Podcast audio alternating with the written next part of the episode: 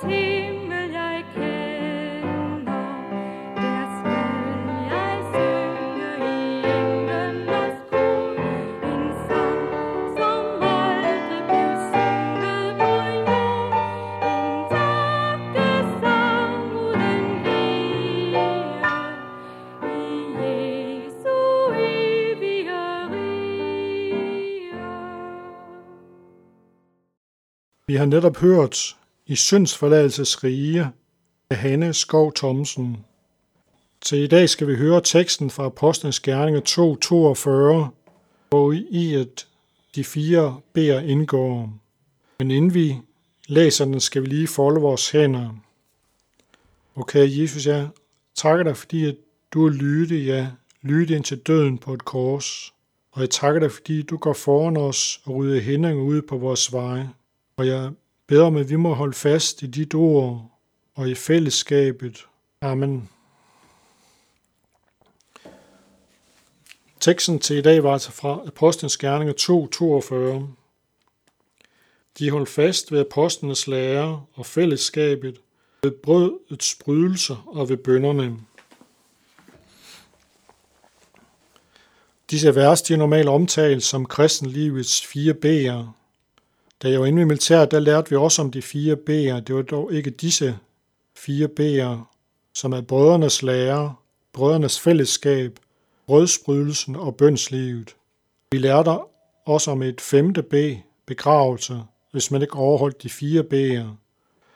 Dette kan man faktisk også tale om i kristenlivet, hvis man ikke holder fast i de fire B'er.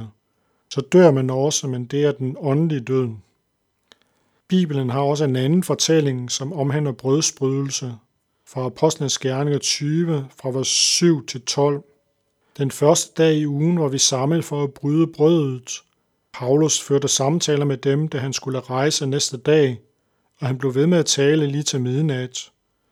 Der var en del lamper i den sal ovenpå, hvor vi var forsamlet. I vinduet sad en ung mand, der hed Øjtukos. Da Paulus talte så længe, faldt han i søvn, og overmandet af søvnen styrte han ned fra anden sal. Da man løftede ham op, var han død. Men Paulus gik hen, kastede sig over ham, tog om ham og sagde, ingen larm og klage, for der er liv i ham. Så gik Paulus op igen, brød brødet og spiste, og talte længe, lige til det blev lyst. Derpå tog han afsted. Den unge mand bragte hjem i live, og de blev ikke så let trøstet. De her mennesker, de var forsamlet for at høre om evangeliet. De sad ikke hver for sig og læste i Bibelen, men de hørte evangeliet i brødrenes fællesskab. Her er brødrene en fælles fortegning, fortegnelse for både kristne brødre og søstre. Paulus han havde åbenbart meget på hjerte, således at hans tale varede helt til midnat. Så skete det altså, at der var en, der faldt i søvn. Ja, det kan godt være lidt pine, når man falder i søvn under en prædiken, men her fik det altså fatale konsekvenser. Den unge mand han faldt ned og døde. Jamen det var så ikke den åndelige død, men den læmelige død. Paulus han får der liv i ham. Jeg er sikker på, at han er bedt i Jesu navn om, at den unge mand må blive bragt til live. Der var altså også en bøn her.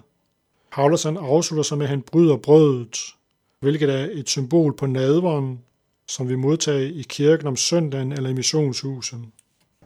Der var også andre end den unge mand, der døde. Jesus han blev hængt op på et kors lang fredag. Han døde på korset. Der påtog han sig alle vores syndere.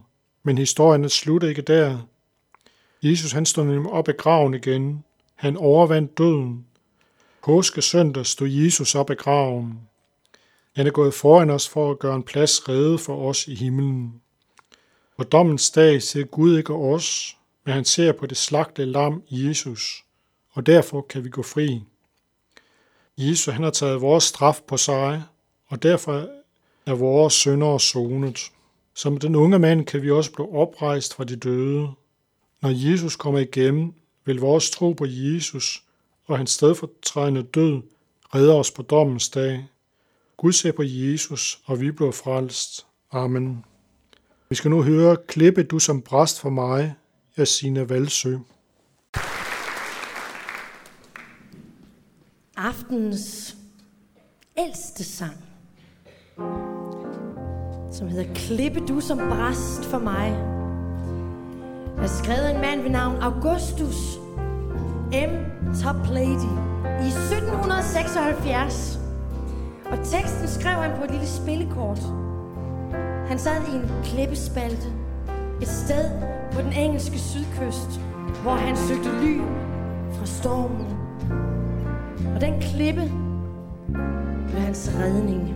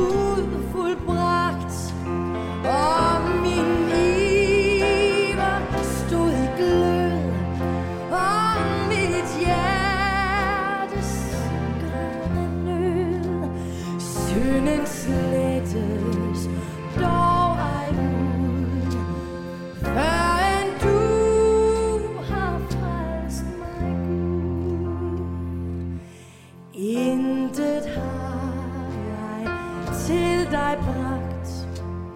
Kun ved kors